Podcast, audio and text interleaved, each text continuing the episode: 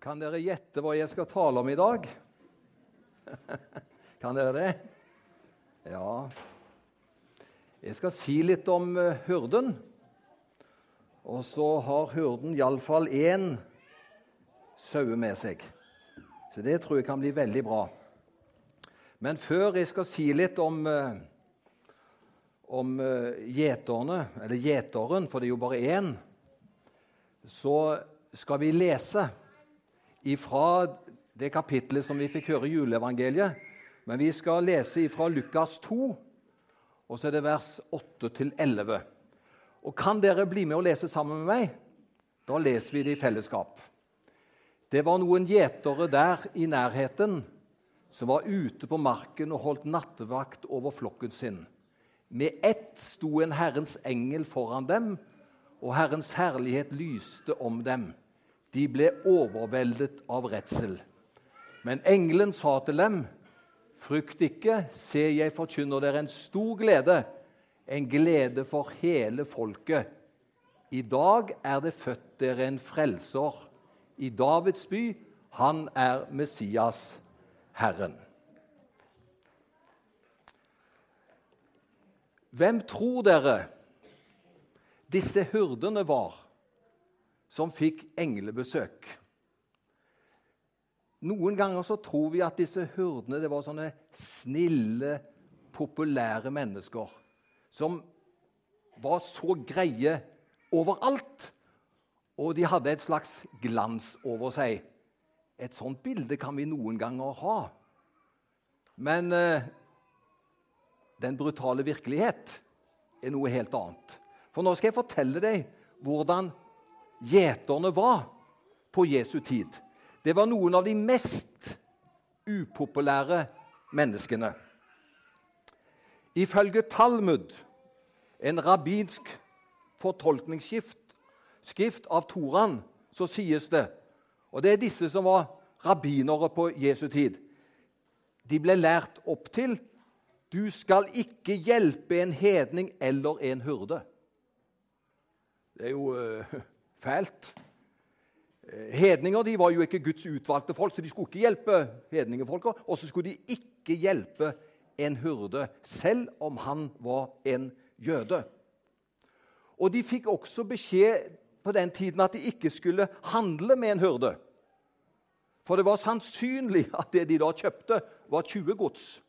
Så de burde holde seg langt unna, for det var sikkert stjålne varer. Slik var renommeet hos hyrdene. De var så nedsett i samfunnet at de fikk ikke engang lov til å, til å avgi et vitne i en rettssak. De var ikke verdige til å vitne. Vi har med andre ord å gjøre med menn i Israel som ble sett ned på. De var en foraktet gruppe i samfunnet. Og når denne så foraktede gruppen i samfunnet får et sånt budskap, da melder spørsmålet seg hos meg. Hvorfor valgte Gud å annonsere den største nyheten i verdenshistorien til en gruppe fra det laveste sjiktet på den sosiale rangstien? Hvorfor valgte Gud en slik strategi? Ville det ikke menneskelig sett vært mer fornuftig av Gud å sende en engel for til Det høye råd, til ypperstepresten, til noen høyt der oppe. I datidens samfunnet da ville jo Jesu barnet ha en større aktelse. Da kunne de kanskje tro at det var Messias som var blitt født. Men du Det var altså ikke slike personer som skulle si at Frelseren var født. Det var noen gjetere på marken som fikk oppdraget. Han valgte ut røffe mannfolk fra en pariakaste. En pariakaste er en lavstående, undertrykt og foraktet samfunnsklasse. Og så står det at disse holdt nattevakt, står det. Sauene var stua sammen. Nå har vi bare én sau her i dag, men da var det masse sauer stua sammen innenfor et forheng. Og Vanen var at gjeterne lå i åpningen av kveet for å verne sauene mot ville dyr og tyver. Hva tror du de samtalte om, disse røffe mannfolka en nattestid? Antagelig det som var vanlig blant gubber av det groveste slag. Men plutselig, du, så bryter en representant inn for den usynlige verden, inn i gjeternes midte. Og det står at de ble forskrekket og redde, og det kan jeg godt forstå. For vi mennesker vi blir redde når noe uventet brått blir møtt oss som er uvant. I tillegg så ble de omgitt av et strålende lysskjær. De hadde vel aldri møtt en engel før. Hva skulle de gjøre? Og nå taler denne engelen til dem ifra en virkelighet de hadde ingen erfaring med. Og så sier engelen, 'En megaglede har jeg å si til dere.' Det er født dere en frelser. Og Det var ikke Maria eller Josef, men dere som fikk høre dette. der er født dere en frelser. Og det gjelder for hele folket. En frelser er født. Nå var løsningen kommet. Et lite barn, et kongebarn. Barn av den høyestes Gud var kommet iblant deg. Men han skulle vel fødes på et slott? Han skulle vel legges i en ordentlig seng med silkelaken, under trygge og kontrollerte omgivelser. Vi ville iallfall sørget for at barnet ble lagt i en slik ramme hvis vi hadde hatt kontroll på regien. Men nei, Gud valgte det annerledes. Han hadde nemlig regien. Dere skal finne et barn svøpt liggende i en krybbe.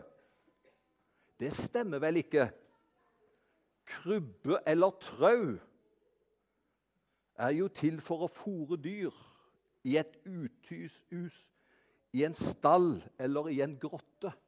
Det kan vel ikke være meningen at Jesu barnet skulle legges på et slikt sted?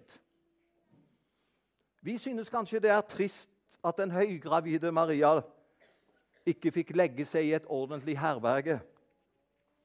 Men Gud hadde regien. At Jesus kom til verden i en stall, var avgjørende for at juleevangeliet var slik vi kjenner det.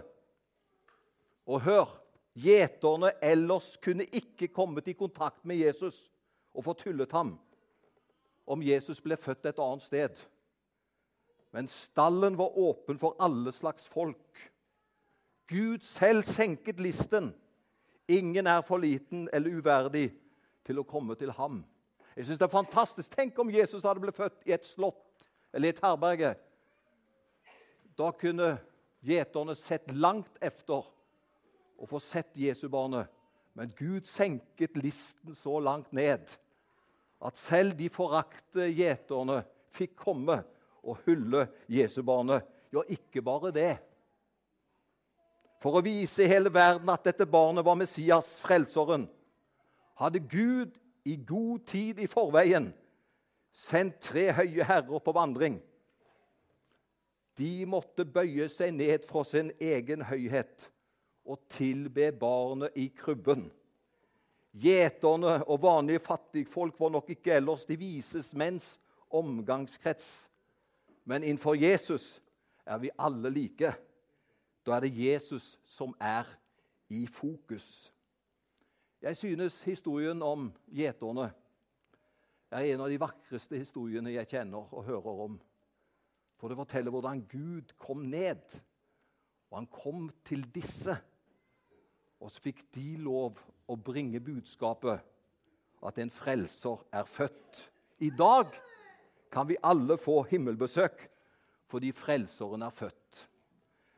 Jeg har sagt at gjeteren var lavest på rangstien, men nå syns jeg gjeteren skal reise seg opp. Og så skal vi alle få lov til å be Herrens bønn i sammen. Og så avslutter jeg min tale med at vi ber alle sammen. Herrens bønn, og den kommer på, på veggen. Så ber vi den i sammen. Vår Far i himmelen. La navnet ditt helliges. La riket ditt komme. La viljen din skje på jorden slik som i himmelen. Gi oss i dag vårt daglige brød, og tilgi oss vår skyld, slik også vi tilgir våre skyldnere. Og la oss ikke komme i fristelse, men frels oss fra det onde. For riket er ditt, og makten og æren i evighet. Amen.